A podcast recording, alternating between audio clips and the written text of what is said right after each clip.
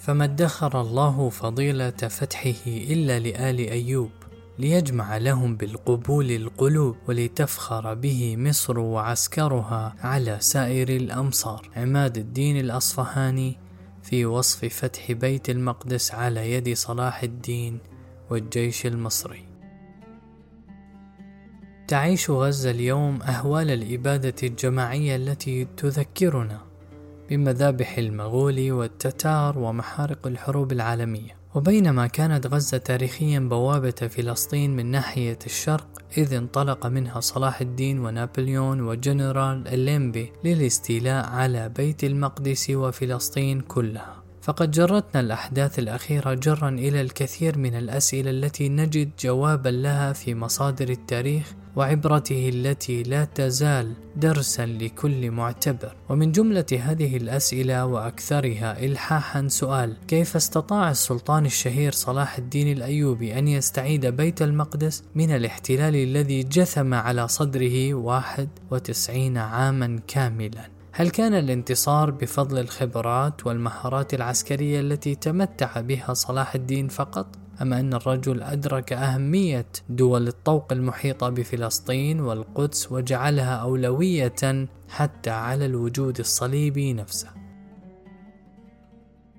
الحق أن صلاح الدين يوسف بن أيوب بن شاذي الكردي لم يكن إلا قائدا كبيرا من جملة القادة الكبار الذين عرفهم تاريخ الإسلام منذ عصر النبوة. وقد سخر الرجل إمكانياته منذ التحاد الدين زنكي وابنه نور الدين محمود لهدف واحد وهو استعادة أقدس ما سلب من المسلمين في القدس وبلاد الشام. لقد كانت تسعين سنة شديدة الوطأة تلك التي سلب فيها الصليبيون الكثير من مدن وقلاع المسلمين من أنطاكيا والرها شمالا التي تتبع اليوم جنوب تركيا. مرورا باللاذقية وطرطوس وطرابلس وبيروت وصيدا التابعة لسوريا ولبنان ثم صفد وعكا وصور وحتى بيت المقدس وعسقلان وغزة. كل هذه المدن الكبرى وفي القلب منها القدس احتلها الصليبيون في حملاتهم الأولى ولم يكن احتلالها سلبا فحسب بل كانت هذه المدن والإمارات الصليبية بمنزلة قواعد هجومية دائمة على المسلمين في مدنهم وأسفارهم وتجارتهم. ومنذ اللحظة الأولى التي سقطت فيها القدس وارتكب الصليبيون فيها مذبحة شبيهة بالمذابح التي نراها اليوم على الهواء مباشرة لأهل غزة. انطلق جمع من أهل الشام إلى القيادة الروحية للعالم الإسلامي وقت ذاك وهي الخلافة العباسية في العاصمة بغداد. وأخبروا بما جرى على المسلمين وقام القاضي أبو سعد الهروي قاضي دمشق في الديوان. وأورد كلاما أبكى الحاضرين وندب من الديوان من يمضي إلى العسكر ويعرفهم حال هذه المصيبة كما يذكر المؤرخ ابن الجوزي في تاريخه المنتظم. ولكن الأمة في ذلك الحين كانت مشتتة منقسمة. فالسلاجقة من أبناء السلطان ملك شاه وأحفاده كانوا متفرقين متصارعين في إيران وخراسان والعراق والأناضول وسلاجقة الشام لم يكونوا أفضل حالا من أقاربهم. أما مصر وفلسطين فكانت من نصيب الفاطميين الذين لم يبدوا مقاومة تذكر. بل يثبت التاريخ انسحابهم من بيت المقدس وكثير من مدن فلسطين قبيل مجيء الصليبيين والخلافة العباسية كانت ضعيفة لا تملك قرارها حيث تركت هذه المهمة منذ زمن لكل القوى التي سيطرت عليها من الأمراء الأتراك والبويهيين والسلاجقة. وفي وسط هذه الحالة من التشرذم السياسي بدأت إمارة الموصل في شمال العراق التي كان يقودها أتابكة أتراك وهم جماعة من الأمراء الذين دانوا بالطاعة والولاء للسلاجقة بدأت تأخذ على عاتقها مهمة التحرير. وقد توالى على هذه الإمارة العديد من الأتابكة الذين أثبتوا إخلاصا كبيرا في تحرير وتوحيد الجبهة الإسلامية وعلى رأسهم كربوغا وآق سونغور البرسقي وآق سونغور الحاجب. ثم عماد الدين زنكي الذي سار على طريق من سبقوه في المقاومة وتوحيد مناطق شمال العراق والجزيرة الفراتية ثم الموصل وسنجار وحلب وما حولها حتى استطاع القضاء على أول المعاقل الصليبية وهي إمارة الرها عام 539 هجريا 1144 ميلادي. وهو تاريخ يبعد عن استيلاء الصليبيين على القدس بنصف قرن. كان تحرير الرها بمنزلة تدمير المشروع الصليبي في كامل الجزيرة الفراتية شمال شرقي الفرات. وبفضل هذا الانتصار استطاع عماد الدين استرداد سروج وآمد ونصيبين وراس عين والرقة وإلبيرة حتى أصبح كامل شمال العراق وشمال سوريا تحت السيادة الزنكية وبعد وفاة عماد الدين زنكي عام 541 للهجرة تسلم الراية من بعده ولده نور الدين محمود. في بلاد الشام تحديدا. وعلى مدار 28 عاما من وجوده في السلطة تمكن من توحيد كامل بلاد الشام من حلب وحمص وحما حتى استطاع بلوغ دمشق وضمها في عملية سياسية ودبلوماسية ذكية. وكما استغل الظرف السياسي المضطرب وحب أهل دمشق له استغل أيضا اضطراب الأوضاع في مصر التي كان يحكمها الوزراء والقادة العسكريون المتناحرون مثل شاور وضرغام وكان الخلفاء الفاطميون ألعوبة في أيديهم. الأمر الذي دفع نور الدين محمود لإرسال أقرب وأخلص رجاله صلاح الدين الأيوبي وعمه أسد الدين شيركوه.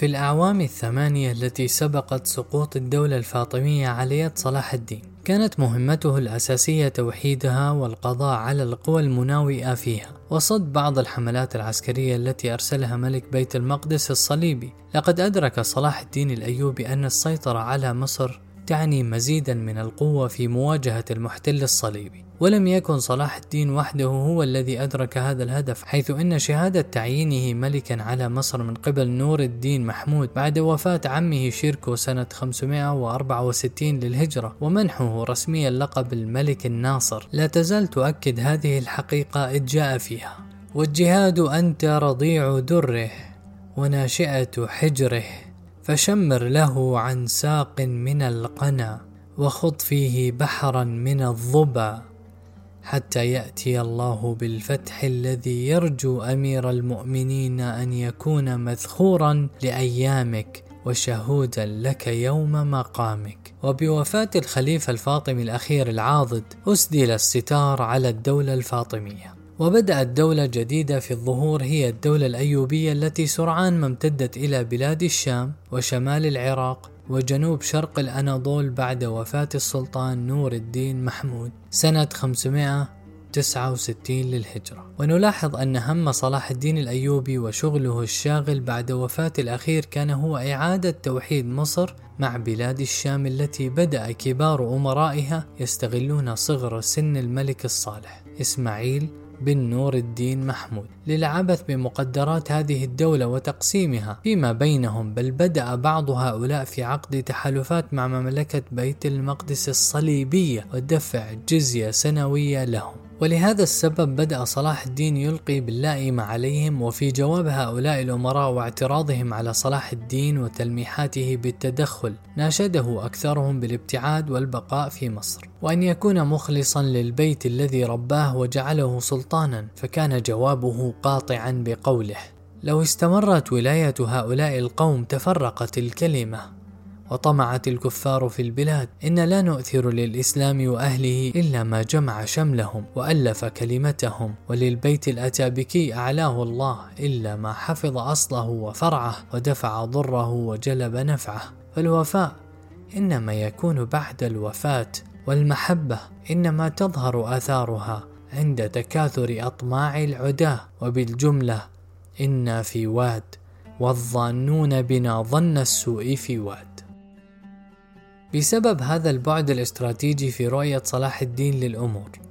وقصر نظر أمراء بلاد الشام وحبهم للسلطة مع قبول بعضهم بالتبعية للصليبيين والبعض الآخر بالتحالف معه. راحت الأمور تتجه صوب الصدام بين الطرفين وبالفعل وقعت بين صلاح الدين وهؤلاء الأمراء عدة معارك في حماة وحلب وغيرهما. واعتبارا لمكانة نور الدين محمود لم يرضى صلاح الدين مع انتصاراته المتوالية تلك أن يأخذ حلب من الصالح إسماعيل بن نور الدين وأبقاها عليها طالما بقيت العهود والمواثيق قائمة ولم يكن الخطر على مشروع الوحدة نابعا من هؤلاء الأمراء وحدهم بل ظهر عدو آخر هم الباطنية الحشاشون الذين حاولوا قتل صلاح الدين أكثر من مرة. ولهذا السبب راح يتعقبهم في قلاعهم في مصياف حتى فل شوكتهم. وفي هذه الأثناء جاء السفراء من الخلافة العباسية بإقراره على سلطنة مصر وبلاد الشام. الأمر الذي أدى إلى علو كعبه وثبات شرعيته في النفوس بل وتوجس العدو الصليبي منه خيفة. يرى المؤرخ البريطاني هاملتون جيب أنه بالنسبة لمعظم أمراء زمانه كان هذا الأمر مجرد إجراء شكلي لأنه بنظر صلاح الدين كان أكثر بكثير من ذلك. وإذا كانت الحرب التي نذر لها نفسه ضد الصليبيين ستصبح جهادا حقيقيا فمن الواجب أن يكون شنها في مراعاة دقيقة لشريعة الإسلام المنزلة. ولهذا السبب تقرب صلاح الدين من عامة الناس في بلاد الشام بإزالة الضرائب والمكوس المرهقة ومع هذه الشعبية والمحبة المتزايدة في النفوس. آثر الصليبيون أن يعقدوا حلفا مع الملك الصبي الصالح إسماعيل بن نور الدين وأمرائه. يقول المؤرخ الصليبي وليام الصوري على لسان الصليبيين كل ازدياد في قوة صلاح الدين كان سببا يثير الريبة في أنظارنا لأنه كان رجلا حكيما مشورا باسلا في الحرب وشهما إلى أبعد حدود الشهامة وبدا لنا أكثر حكمة أن نمد العون للملك الصبي إسماعيل ليس من أجل ذاته بل لتشجيعه كخصم ضد صلاح الدين. بعد السنوات الثلاث التي قضاها صلاح الدين في بلاد الشام عقب وفاة نور الدين محمود ومحاولته الحثيثة لتوحيدها مع مصر أدرك أن تأمين الجبهة الداخلية وسد الثغرات العسكرية والحربية في مصر أولوية قصوى. ومن ثم حرص على تأسيس المدارس السنية والخوانق الصوفية في طول البلاد وعرضها وإنشاء الكتاتيب والأوقاف لمنع عودة الفاطميين. كما حرص على إنشاء قلعة الجبل وبناء سور قوي يحيط بالقاهرة لدرء الخطر الصليبي بل وأيقن بضرورة وجود أسطول قوي رادع. لعلمه أن القوى الصليبية المتمركزة في مدن بلاد الشام الساحلية تتقدم عليه في هذا الجانب. ما يعني وجود خطر دائم يهدد مصر؟ ناهيك بأن وجودهم في الشوبك والكرك جنوب الأردن هدد البحر الأحمر والحرمين الشريفين. لا سيما مع وجود الأمير أرناط الذي يصفه مؤرخو ذلك العصر بأنه كان أخبث الفرنج وأشرهم على قوافل المسلمين والحجاج. وحين أتم صلاح الدين تحقيق هذه الأهداف عاد إلى الشام من جديد باستراتيجية جديدة تتمثل في استغلال كل فرصة للقضاء على بقايا الدولة الزنكية شمال بلاد الشام. وعلى الأخص الموصل ومن ثم حلب التي طالما أصر على ضمها والسيطرة عليها. وقد ظلت المواجهات بين بينهم مستمرة حتى وفاة الصالح إسماعيل عام 577 ومن ثم سيطرة صلاح الدين على حلب سنة 579 للهجرة. كما أجبر صلاح الدين الأيوبي أمير الموصل مسعود بن غازي بن نور الدين محمود على إعلان الولاء له عام 581 للهجرة. وحين سيطر صلاح الدين على مدينة حلب ومن ثم شمال بلاد الشام والجزيرة والموصل قال الآن تبينت أنني أملك البلاد وعلمت أن ملكي قد استقر وثبت وقد صدقت رؤية صلاح الدين الأيوبي. ذلك أن استيلاءه على حلب حقق أهدافه ببسط سلطانه على جميع بقاع بلاد الشام مع مصر فأمسى في موقع الهجوم والإحاطة بالصليبيين من كل جهة. وهكذا نرى أن صلاح الدين الأيوبي أنفق 12 عاما كاملة في سبيل توحيد مصر وبلاد الشام وبلاد الجزيرة مناطق جنوب شرقي الأناضول. بينما أنزل بأسه على الصليبيين في ثمانية عشر شهرا فقط كما سنرى لإدراكه أن توحيد بلاد المسلمين كان مقدمة لابد منها للتحرير. وقد صرح بهذه الاستراتيجية في إحدى رسائله الدورية للخليفة العباسي الناصر لدين الله. جاء فيها أمور الحرب لا تحتمل في التدبير إلا الوحدة. فإذا صح التدبير لم يحتمل في اللقاء إلا العدة. وبموازاة هذه الأحداث نجد صلاح الدين مع تحصينه مصر يحصن سيناء ويبني بها القلاع ويعيد الاستيلاء على أيلة أو إيلات لأول مرة منذ احتلها الصليبيون ويدخل في عمق فلسطين من الجنوب ويخترق حصونهم في بلاد الشام. ومن ثم عام 578 للهجرة لم يعد صلاح الدين الأيوبي إلى مصر أبدا وإنما بقي إلى آخر عمره بالشام في مواجهة شرسة مع الصليبيين. وجعل أول همه استنقاذ المدن الفلسطينية واحدة بعد أخرى. وقد كان عام 583 للهجرة عام الحسم العسكري في فلسطين. حيث سيطر صلاح الدين على مدن غزة وعسقلان والرملة وطبرية وغيرها وأمام هذه الانتصارات الكبرى أدرك ملوك الصليبيين وأمرائهم أنه لا بد من معركة حاسمة لإيقاف صلاح الدين.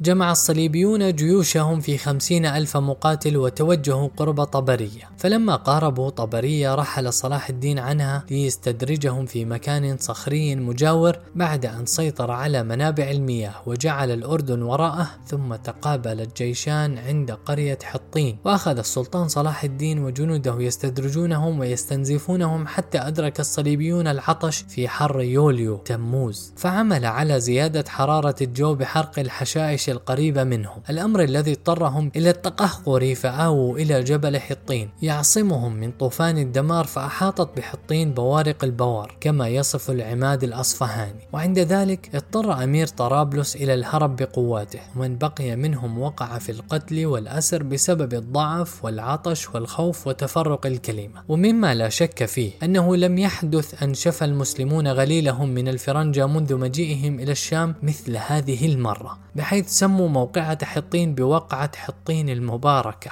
عقب حطين أصبح الطريق إلى بيت المقدس مفتوحا. فحاصرها صلاح الدين أسبوعين وفتحها بجيش أغلبه من العسكر القادم من مصر تحديدا كما يقول العماد الأصفهاني ولتفخر به مصر.